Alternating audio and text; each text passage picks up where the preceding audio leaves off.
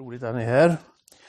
Vi har ju haft det här två gånger redan. Vi har tagit upp lite olika saker och det här är då den tredje och sista delen i den här serien.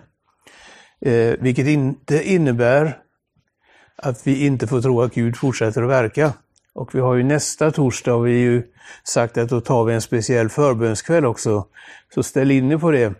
Och bed att Gud verkar den här kvällen och eh, ta vara på möjligheten att få förbön eller att du ber för någon annan. Eh, men som jag brukar säga de här kvällarna, man måste inte vänta till nästa torsdag. Man kan få vara med och be eller få förbön den här kvällen också. Det tror jag är viktigt att vi säger så vi inte liksom skjuter det på framtiden. Eh, vi har ju, för att ge en liten kort tillbakablick, så när vi började där så talade vi om att lärjungarna och det följer till oss också, fick ett bestämt uppdrag när Jesus sände ut dem. Och det var att de skulle förkunna Guds rike och bota sjuka. Det hittar du i Lukas 9, vers 2. Eh, där står detta. Och vi har sett lite olika bibliska exempel på hur Jesus tjänade på det här sättet. Vi vet ju att hans verksamhet var präglad av att människor kom med sin nöd och fick hjälp. Eh, stort sett varje tillfälle när han syntes i samhället så var det människor som kom och behövde hans hjälp. Till och med när de ville vila sig och skulle ge sig iväg bort över Genesarets sjö för att få lite lugn och ro.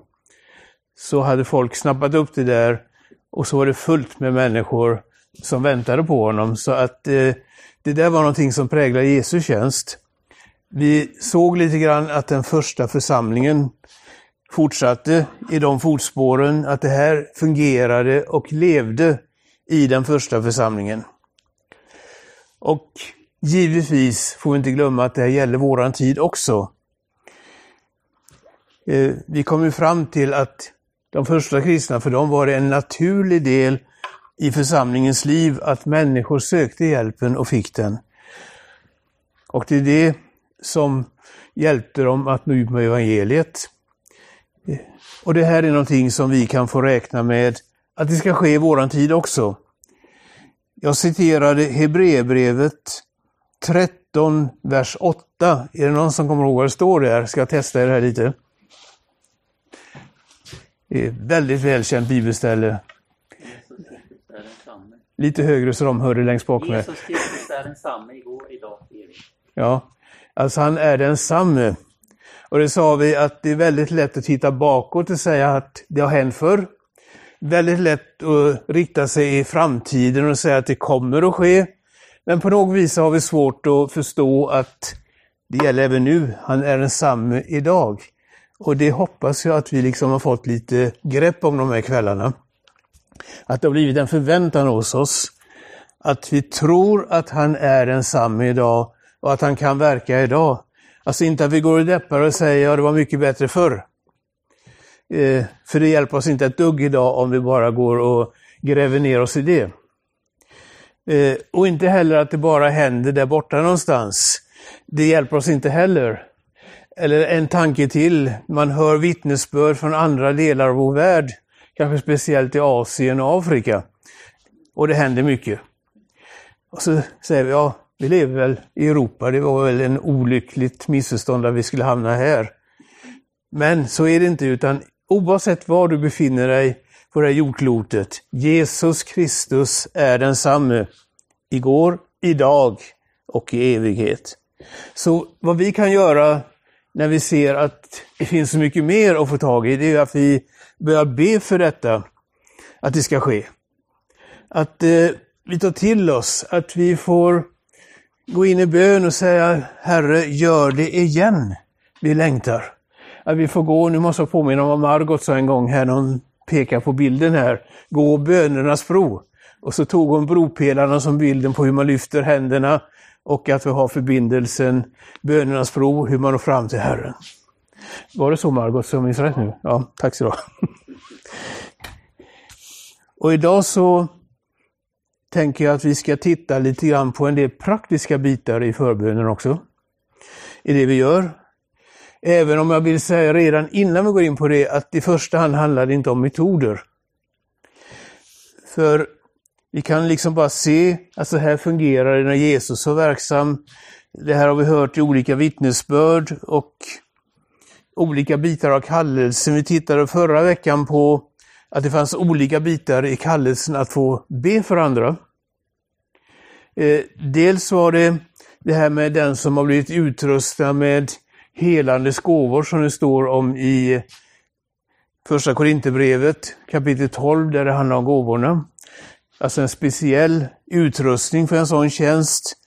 Sen hade vi att det var nedlagt i församlingens ledarskap att den sjuke ska kalla på församlingens äldste.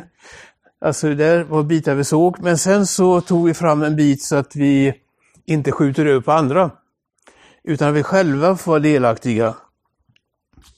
Och det är detta som står i Markus 16, verserna 17 till 18 och jag hoppar över en del av det som händer där och tar det som är inriktat på just det vi talar om idag. Och då står det så här. Dessa tecken ska följa dem som tror. Och så står det i mitt namn skall det och så kommer det lite olika saker. Och det sista som räknas upp där är, skall de lägga händerna på sjuka och de ska bli friska. Och där ser vi att det inte bara är några specialister, utan att du och jag får vara med. Eh, att Gud vill använda dig och mig. Att han inte har liksom sagt att det är slut på det här nu, utan det här får jag vara med om. Och då kan man fundera på när och var kan detta ske? Och det är klart att det finns ett enkelt svar. Det kan ske när som helst, i vilken tid som helst. Men vi kan väl titta på något bibliskt sammanhang eh, för att få ett exempel på när sådant hände. Apostlagärningarna kapitel 3. Så Apostlagärningarna kapitel 3. Och jag tror vi ska läsa hela texten, även om det är åtta verser långt, så vi får med vad som hände där alldeles i början av församlingens historia. Jag får tag på bibelstället också. Alltså kapitel 3 i Apostlagärningarna ifrån första versen och så läser vi de åtta verserna som följer där. Petrus och Johannes var på väg upp till templet vid tiden för bönen man ber vid nionde timmen, alltså vid tre på dagen ungefär. Då bar man dit en man som hade varit lam från födseln. Varje dag satte man honom vid en tempelport som kallades Sköna porten, för att han skulle be dem som var på väg in i templet om en gåva. När han nu såg att Petrus och Johannes skulle gå in i templet bad han om en gåva. De fäste blicken på honom och Petrus sa, se på oss. Mannen såg uppmärksam på dem och väntade sig att få något, men Petrus sa, silver och guld har jag inte, men vad jag har, det ger jag dig. I Jesu Kristi Nazarens namn, stig upp och gå. Han tog honom i högra handen, reste honom upp. Genast fick mannen styrka i fötter och vrister. Han hoppade upp, stod upprätt och började gå och följde dem in i templet. Han gick och hoppade och prisade Gud. Allt folk såg honom gå omkring och prisa Gud och de kände igen honom och såg att det var mannen som brukade sitta och tigga vid sköna porten och de fylldes av förskräckelse och förundran över det som hade hänt med honom. Jag tycker det är intressant att se när detta hände. Eh, de här apostlarna, Petrus och Johannes, de kom inte från ett härligt bönemöte där det bara hade flödat av Andens kraft. De var på väg till bönen, står det här visst. De var alltså inte att de hade varit och laddat upp så att säga. Det är ju kanske ofta lättare att det händer när vi har varit med om något härligt. Men de är på väg till bönen och har ändå något att ge. Eh, de eh, säger ju vad de har också. Det vi har, det ger vi dig. Alltså det här vi har i Jesus. Jag tänker att det där är viktigt för oss, att vi har en sån levande gemenskap med Jesus så att vi oavsett när på dagen eh, oavsett om det är söndag när vi kan få vara på gudstjänst eller på torsdag när vi möts här eller när det är, så har vi något att ge för att vi lever i gemenskap med Herren. Så att den här ständiga relationen till Jesus, mitt beroende av anden som leder, utrustar i kraft. Det är det som är viktigt. Första Thessalonikerbrevet kapitel 5, vers 17 säger Be utan uppehåll. Eh, hur man nu ska bära sig åt för att alltid vara bedjande kan man ju fundera på. Men jag tänker att det är inte alltid att man liksom går och eller är någon bönesamling och så, för det kan vi ju inte vara 24 timmar om dygnet, sju dagar i veckan och så vidare. Men det här att jag ständigt är i förbindelse. Eh, en sak som jag har upplevt funkar bra, det är att så att säga småprata med Gud när jag kanske sitter i bilen och åker eller ut och går. Eh, liksom att jag kom på mig själv ibland att jag kanske funderar på en sak och så säger jag Gud, vad tänker du om det här? Alltså lite på det enkla sättet. Och så får vi leva i den här gemenskapen där den heliga Ande får påverka oss. Och då har vi något att ge om det gäller att någon behöver Guds ingripande på det sättet eller kanske något annat behov. Men vi har något med oss som vi har tagit emot för att vi själva lever i gemenskap med honom som ger oss detta. Så att det där kan vi få vara med om att i den här förtroliga gemenskapen med Herren få ha ett ständigt utbyte. Tänk att det kan vara en del av det att be utan uppehåll. Det finns säkerligen fler bitar man kunde blocka in där, men vi tar den idag.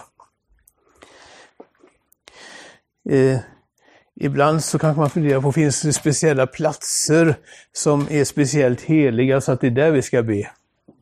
Och jag ska inte fråga vad ni tänker, för jag tror att ni tänker som jag. Men eh, det är inte det det handlar om utan även det kan ske när och var som helst. När vi tittar på Jesu verksamhet ser han väldigt ofta ute bland människorna där de finns. Alltså, någonstans de är vid Genesarets sjö, han eh, sätter sig i båten för att han ska kunna tala till alla. Eh, det finns ständigt människor som söker honom och det verkar inte spela någon roll var någonstans det är, utan det sker ändå. Alltså det kan du också få ta med dig. Överallt där jag är så kan jag förmedla någonting utav den kraft som Gud har gett mig. Det kan vara på din arbetsplats, även om det inte får gå ut över uppgifterna du ska göra. Men, eh, och det kan vara kanske när du möts till fest någonstans. Eh, det handlar inte om helande, men jag brukar berätta om en kille som eh, längtade så efter att få bli döpt i den heliga Ande. Eh, och han fyllde år. Och ungdomarna var hembjudna till honom i församlingen. Det hände här i Motala för ungefär 40 år sedan så att det är faktiskt, ja, så att han, ingen av oss är ung längre som var med. Men där var ett helt gäng och vi firade. Och så sa han till mig, du, för vi hade haft en någon predikan ganska nyss innan. Det där du sa om den heliga Ande och att jag kan få bli fylld. Jag längtar så efter det. Eh, kan vi inte gå lite åt sidan till ett av de andra rummen i huset där vi får vara själva och så ber vi tillsammans. Vi gjorde det. Och han började tala nya tungor där. Det pågick alltså födelsedagsfirande i rummet bredvid. Men ändå hände det. Eh, alltså bara ett exempel på platsen är inte det viktigaste utan det är det längtande hjärtat och den som vill möta Herren. Eh, så det kan vi få vara med om. Sen har du ju tillfällen när vi möts som församling i gudstjänst och andra sammanhang där Gud verkar. Det kanske är en miljö där man ofta kan få höra att Herren talar att här är någon som behöver den och den hjälpen. Och så får man ta emot. Eh, och där finns det utrymme för vittnesbörd som vi gjorde förra veckan, där man kan få dela med sig av det Gud har gjort. Och så uppmuntra andra som då längtar att de också får tro. Sen skulle jag egentligen vilja flika in eh, det här du sa om Bibeln förut. Det var inte direkt det När man läser Bibeln så påverkar det. Jag har ett område du inte nämnde som jag också tror är viktigt just i det här sammanhanget och det är när jag läser Bibeln så växer tron i mitt liv. Eh, jag tar del av löftena, jag tar del av vad Herren har sagt, eller det handlar bara om gemenskapen med honom. Och så är uppfyllda. Och åtminstone tycker jag att det är lättare att tro när jag liksom har varit mycket i den här boken. Sen har du lite andra bitar. Det kan ju vara i den lilla gruppen när det inte är så många. Och man får be eh, kanske några stycken som möts. Och där är det lättare kanske att dela med sig både vad man har upplevt och vad man har att ge. Det kan vara ett tips för hemgrupperna kanske att man sysslar med det också, inte bara andra bitar som också kan vara intressanta. Att man lyssnar på varandra och får till hjälp för varandra. Alltså i en god gemenskap, gemensamt uppleva Gud. Sen har du det här enskilda. Vi har redan läst Jakob 5, men jag tar det igen här nu. Det är där det står om att kalla Hillström äldste. Så vet ni vilket sammanhang vi är i. Men i kapitel 5 där så står det så här i eh, vers 14 och 15. Är någon bland er sjuk skall han kalla på församlingens äldste och de ska be över honom och i Herrens namn smörja honom med olja. Trons bön ska bota den sjuke och Herren ska resa upp honom. Och har han begått synder skall han få förlåtelse för dem. Bekänn alltså era synder för varandra och be för varandra så att ni blir botade. Mycket mäktig och verksam är en rättfärdig människas bön. Eh, nu handlar det ju om det här speciella och kalla till sig äldste, men jag ser kanske mer möjligheter när det är sånt här enskilt möte. Det är ju en viktig bit att man kan få be så här, men i det där enskilda mötet då kan det ju nästan få en själavårdande funktion också. Att man får ett samtal med varandra. Så stod det här om, eller och, har han begått synd. Så bekänn inför varandra. Det talade vi om lite förra veckan så vi behöver inte repetera så mycket om det. Men det här att komma in liksom på den här aspekten, alltså vad är det som hindrar mig? Eh, vad är det som står i vägen för att jag ska få möta Gud just nu? Det kanske är lättare att ta det när man bara är ett par stycken tillsammans och så får man uppmuntra varandra att det finns förlåtelse och rening i Jesu blod. Och så finns hela den där men jag brukar betona, lägg märke till att det inte står att han har syndat utan och har han eller om han har, alltså så man inte liksom stämplar alla. Tänk på det, det tror jag är viktigt. En annan sak som vi har i samtalet, det är ju att man kan påminna varandra om löftena. Och att vi får uppleva där, liksom så på många andra ställen, hur den helige Ande kan leda hur vi både samtalar och ber. Och där kan det ju komma att du får en, genom Andens ledning, att du ber på ett sätt som kanske du inte hade tänkt dig innan. Eh, att du ber för något som du inte har sett innan ens. Och det kanske är lättare också om det är sjukdomar som man tycker är pinsamt att visa inför andra då är det där hjälpsamt när man kan få vara tillsammans i en sån här liten gemenskap. Där det finns ett troende och där man vet att det jag säger och det jag har, det stannar där och berättas inte inför andra. Inte heller i någon offentlig förbön att man räknar upp allt som hände där. Jag har varit med om någon som gjorde så en gång. Så man fick reda på hela historien då. Men det är inte liksom det det handlar om, utan det enskilda, förtroliga, där ett förtroende finns det här stannar med de här två och Herren. Man funderar kanske lite grann på också, hur kan jag be? Jag betonar att jag säger, hur kan man? För att egentligen kan vi inte låsa fast oss vid vissa metoder, men vi kan se en del hänvisningar i Guds ord.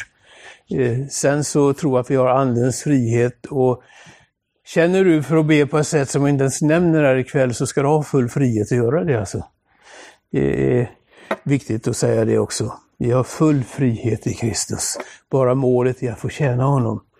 Att stå till förfogande. Vi nämnde innan här att vara ledd av anden i bönen. Jag tänker att jag vill läsa Romarbrevet kapitel 8 och vers 26. Eh, det kan bland annat tillämpas här och säkerligen på flera andra tillfällen när man ber också. Alltså Romarbrevet 8, vers 26. Så hjälper också anden oss i vår svaghet. Ty vi vet inte vad vi bör be om, men anden själv ber för oss med suckar utan ord. Och han som utforskar hjärtan vet vad anden menar eftersom anden ber för det heliga så som Gud vill. Jag tänker att en bit som man kan tillämpa här är att anden hjälper oss i vår svaghet. Och det tror jag att vi allihopa känner inför något sånt här, att vi är svaga. Eh, ja, kanske man nästan inte vågar börja be för, ni minns det vi sa i början, att vi kan så lätt komma på alla möjliga grejer som, ja, hur ska jag känna det om det inte händer något alltihopa? Minns ni att vi sa det? R-I-S-K, så stavar man till tro. Vad blir det? Risk. Alltså, att man vågar ta ett steg i tro. Eh, det där var inte för mig, det hade jag läst någonstans det där, så att eh, det har jag bara tagit över.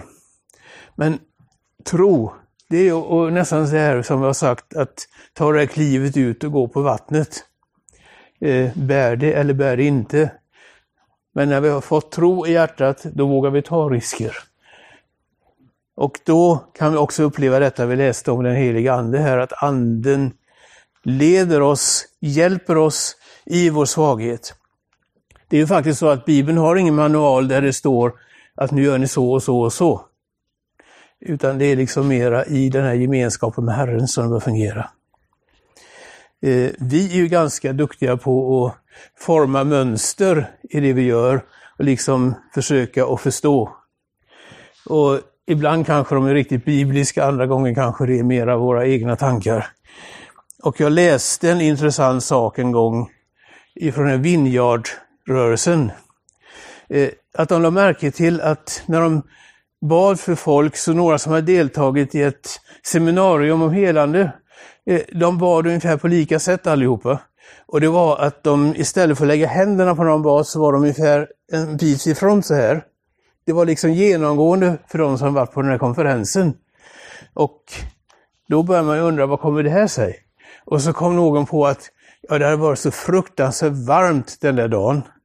Eh, så att det var så obehagligt att röra vid varandra. Och det var därför man hade gjort så i bönen. Och sen så hade de så med liksom, ja det blev så ett mönster. Och du förstår att det var inte nödvändigt, men utan det var en speciell händelse. Men så lätt kan vi fånga upp någonting och kanske göra ett mönster av det. Men inte det. Men i alla fall, vi får be om Andens hjälp och ledning. Och då kan det alltså hända att i förbönen så ber jag in någonting som inte någon har sagt till mig. Därför att den heliga Ande uppenbarar och leder min bön. Eh, jag ska dra en repris på en sak jag berättat för er tidigare. Eh, I den tyska pingströrelsen finns det en pastor som är nybliven pensionär för övrigt. Han heter Ingolf Elsel. Och han berättade vid ett tillfälle när han var gäst i en församling och eh, han hade väl talat om det här med bön för sjuka i alla fall, så kom det i förbönen. Och så kommer en kvinna där och hade väl berättat ett par saker hon ville han skulle be för. Men i sin bön så lägger han till en sak som de inte hade pratat om. Herre, hela henne från den dödliga sjukdom som finns i hennes kropp. Det var ingen som har sagt till honom och han berättar om detta att det var en del som blev upprörda. Hur kan han be så? Hur kan han skrämma den här kvinnan så? Hon är ju inte sjuk. Det var något annat hon ville ha förbön för. Men han hade upplevt hur anden manade honom och han bar rätt ut. Sen gick det en tid. Så visade det sig att hennes man hade varit otrogen och dragit på sig HIV-smittan. Så hon har alltså blivit utsatt för den här smittan. Men här upplever de alltså befrielse och att hon blir frisk. Så att några månader efter händelsen, då fick han bekräftat att den bönen, den var äkta, den var andeledd helt enkelt. Det var ju profetiskt. Ingen annan visste om det här. Och det där kan man få med om också. Eh, kanske inte alltid en sån stor sak, men det kan ändå i din förbön förekomma. Jag vet själv när man har förbundstjänst här uppe att ibland händer det att jag ber något som ingen berättade för mig. Och för det mesta brukar de tacka så här, vad bra att du bad för det. Jag menar, det är möjligheter vi har att den heliga Ande är med oss. Det gör att det inte blir så jobbigt och så komplicerat. Så den heliga Ande kan ge oss profetisk uppenbarelse i förbönen så att vi så att säga vet mer än det som har blivit sagt. Och vi får också uppleva ledning i den formen att vi får vissheten själva att Gud vill verka. Vi kan få uppleva att vi får vishet i hur vi ska be så att det varken sårar eller blir jobbigt för någon annan. Eh, och ibland har jag upplevt hur jag liksom får be i nya tungor. Där varken jag eller den som jag ber för förstår vad jag säger, men vi upplever Guds närhet. Vi upplever att han verkar. Alltså vi ser den heliga Ande hur han är med. Sen läste vi i Jakobsbrevet en sak som jag tycker är viktig här också. Den rättfärdiges bön har stor kraft och verkan. Så vi upplever i våran svaghet att bönen ändå eh, har kraft och en viss auktoritet också.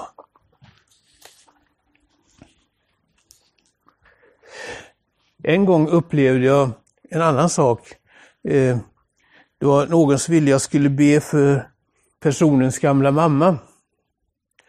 En kvinna som led av demens och hade smärtor i sin kropp och så vidare. Och jag upplever i bönen att jag ska inte be för helande, jag ska be att de får flytta hem till Herren. Eh, minns jag rätt så kollade jag också med dottern som var med i det, vid det tillfället vi skulle be. Eh, är det okej okay om jag ber så? Ja, be som du känner, sa hon bara då. Och jag bad för det här. Och det gick bara några dagar så fick den här kvinnan flytta in i härligheten och någon vecka senare fick jag begrava henne också. Alltså då upplevde jag så att liksom hennes tid var slut och man såg ju att det även hade varit jobbigt för de anhöriga och att de fick en viss vila då. Jag brukar sällan, eller tror aldrig annars, be för att någon ska få flytta hem i förbönen, men just den gången så upplevde jag mig liksom ledd att göra det. Det finns andra bitar som kan vara viktiga i det här med bönen också. I Matteus 20, vers 32, så frågar Jesus en som kommer, jag tror han var blind, som ville ha hjälp, alltså ville bli helad. Vad vill du att jag ska göra?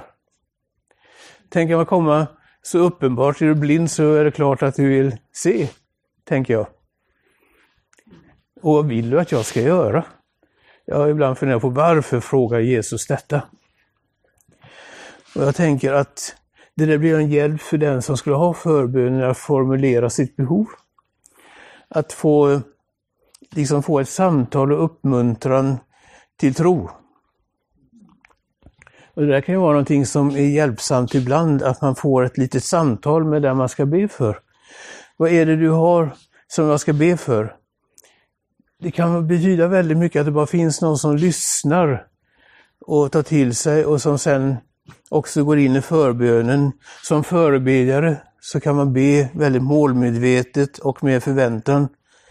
Samtidigt som vi inte ska glömma bort det vi sa innan om Andens ledning, att det kanske kommer mer än det som sades i samtalet. Men samtalet där man får dela med sig kan vara hjälpsamt. Sen har vi det där som vi kanske känner till mest. Vi citerade ju Markus 16 förut, att lägga händerna på de sjuka. Det är alltså en biblisk väg som vi ofta praktiserar. Eh, där vi liksom får förmedla det vi har tagit emot, förmedlar vi genom handpåläggningen till den vi ber för. Jag har tagit emot, jag har fått något. Nu är det en del som ställer frågan när det gäller handpåläggning, ja men står det inte att vi inte ska vara för snabba och lägga händerna på någon? Det står ju om det i eh, första Timoteus 5, vers 22. Men då ska man notera att det är en skillnad i hur, vad det handlar om. Eh, lägga händerna på sjuka så jag har inga begränsningar alls. När det gällde det som står i första Timoteus så handlar det om att sätta in någon i tjänst.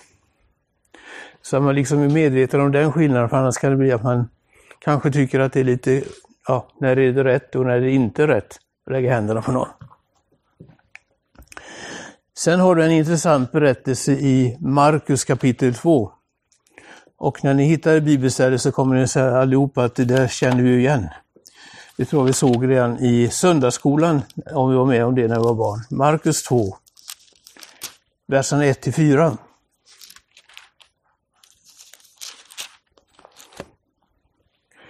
Och nu läser jag, jag hade gärna del, låter andra göra också, men jag läser så kommer det med på inspelningen också.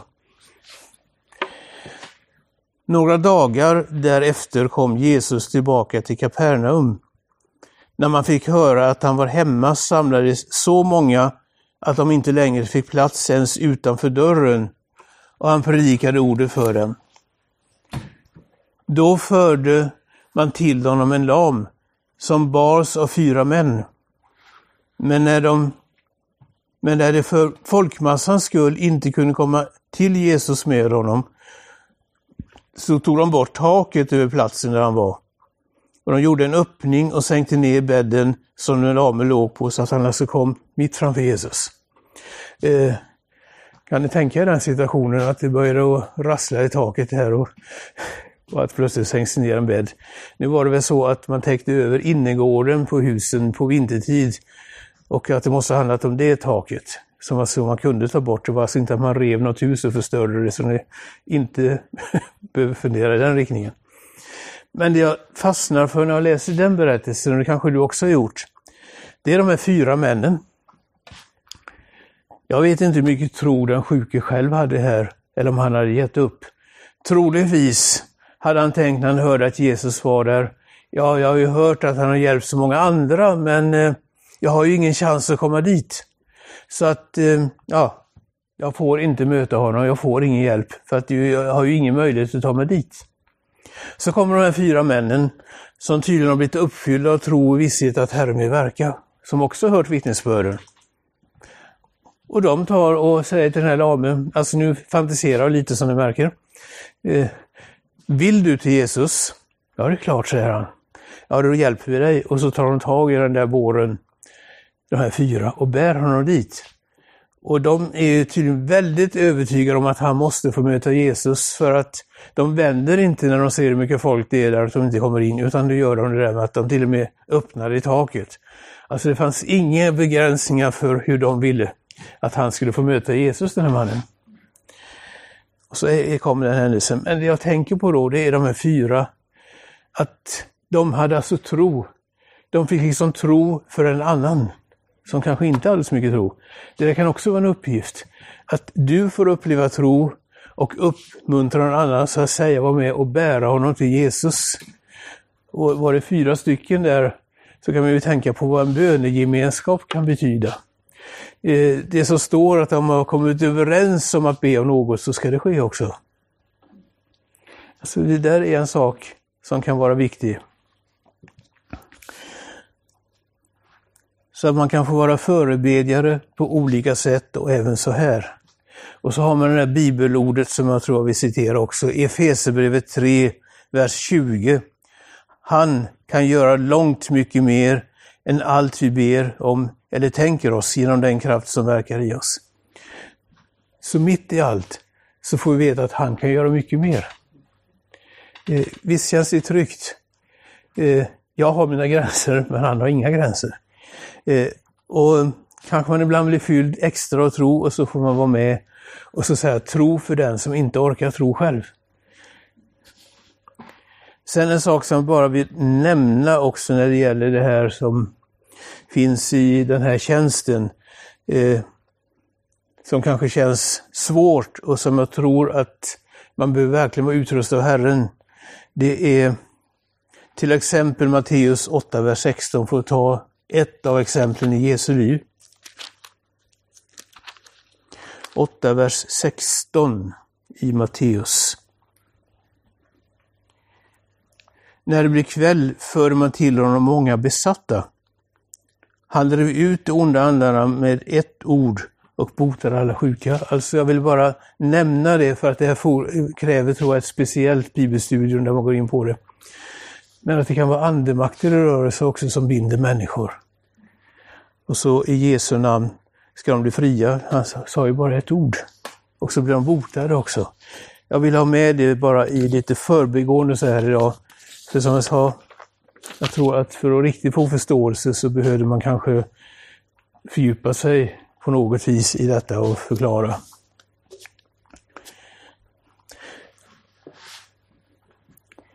Det är intressant att se hur Jesus bar sig åt. Ibland la han händerna på den sjuke.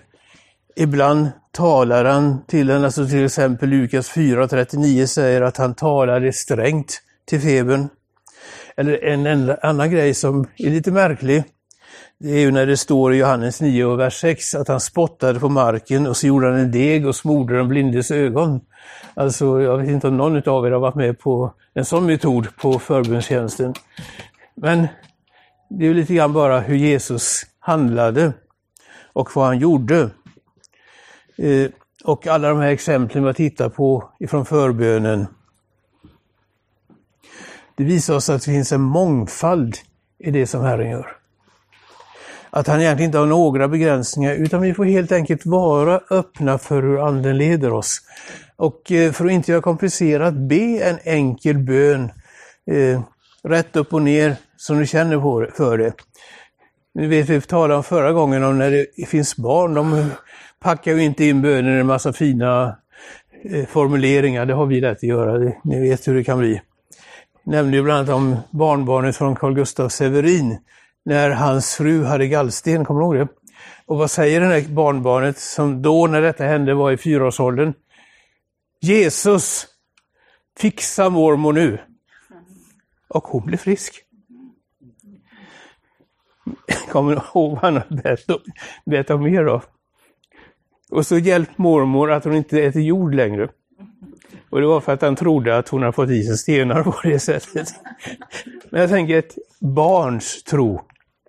Bara fyra år gammal. Och så säger han till Jesus, Jesus fixa mormor. Och det var en bön som räckte. Den var inte särskilt komplicerad. Kanske vi ha det där barnets tro också i det vi ber. Så det får vi lita till. Så vad vi behöver, för att sammanfatta det här, det är ju mer tro att våga gå på vattnet, alltså ta det R-I-S-K. Och kanske vi då får lära oss också att det är ju faktiskt inte jag som bär ansvaret för vad som händer, utan det är Jesus själv. Jag får vara ett verktyg. Eh, jag tror aldrig jag sett, om man nu ska ta en liten haltande dålig bild här, eh, tar du bonden som sår. Han är inte ute och rycker i de där stråna varje dag sen och säger att det växer inte. Utan han vilar och väntar tills det är skördetid. Vi får alltså göra det Herren har kallat oss till. Och så får vi gå vidare och så har vi all den här hjälpen, Andens hjälp, gemensam bön, utrustningen att vi är smorda av den helige Ande. En iver efter att Andens gåvor ska fungera. Och ökad frimodighet tror jag också. Jakobs brev vers 2, kapitel 2, vers 16 säger ju, säger ju Vad hjälper det om någon säger sig tro men saknar gärningar? Det handlar ju om den frälsande tron, vet ni som läser Bibeln. Eh, men jag tänker att det är tillämpbart, eh, tillämpbart även i det här sammanhanget. Eh, om vi har all teoretisk kunskap, att vi har delat en del de här veckorna med varandra, men inte handlar, inga gärningar följer, då har vi proppat huvudet fullt med massa kunskap, men det händer inget. Så jag tror att det är viktigt att vi söker närheten till Herren, att vi söker de gåvor han har att ge, att vi söker Andens liv. Så vi får vara med om detta. Och det är därför vi vill ha en förbundskväll nästa vecka. Eh, då vi riktigt går in för att så säga sammanfatta det vi har gjort här eller följa upp det i en förbundskväll. Så kom och var med om du inte mår riktigt bra. Eller ta med dig någon som du vill att vi ska be för. Och är det så att den du vill be för inte kan komma på grund av sitt lidande, då får du ju ta med bönämnet och så ber man gemensamt för att Gud är inte beroende av tid och avstånd och så vidare. Vetskapen är viktig att han vill använda oss. Att vi har det där vi läste om Petrus och Johannes, att vad jag har, det ger jag dig. Och jag tror vi får be om hjälp, att vi lyssnar in vad Anden säger oss också. Och så får vi börja och handla. Ehm, det var egentligen vad jag hade att dela med det här ämnet. Men jag vill inte att det ska liksom vara slut med det utan att vi ska, när vi möts, få med och praktisera. Och som jag sa i början, du måste inte vänta till nästa torsdag. Eh, du kanske är så otålig och säger, det här vi har redan nu. Ja, det finns där redan nu. Så vi får dela det här och be med varandra. Och är det de som önskar förbön så kan du göra något tecken så ber vi för dig. Och med tanke på att jag sa att alla får vara delaktiga, så varför inte ge grannen du sitter jämte en liten knuff att du vill ha förbön och så får den be för dig. Låt oss be tillsammans och ta emot det Herren vill göra för dig och ta emot att han vill använda dig. Herre, jag bara ber att det här vi har talat om, att det inte ska bli en tillägg i den kunskap vi har, att vi ska samla så att säga på hög och veta en massa, men inte uppleva. För det gör ingen nytta om vi inte praktiserar. Och därför ber vi att du ska ge oss frimodighet, att du ska hjälpa oss att våga ta risken ibland, att vi i tro får gå ut på vattnet för att tjäna dig. Tack att det finns en utrustning du ger oss. Tack att det finns Andens liv, Herre. Och jag bara ber att det ska ske här i våra mitt. Och jag ber att om det är någon här ikväll som behöver uppleva ett virande av dig, att det ska ske också, Herre. Stort eller litet, det spelar ingen roll, Herre, för du verkar i alla sammanhang. Så du vill bara möta oss. Tack Jesus för din stora makt. Och är det någon här som önskar bön, ge ett tecken eller kom fram här eller be din granne att be för dig. Och så får du vittna sen nästa torsdag om det du har upplevt.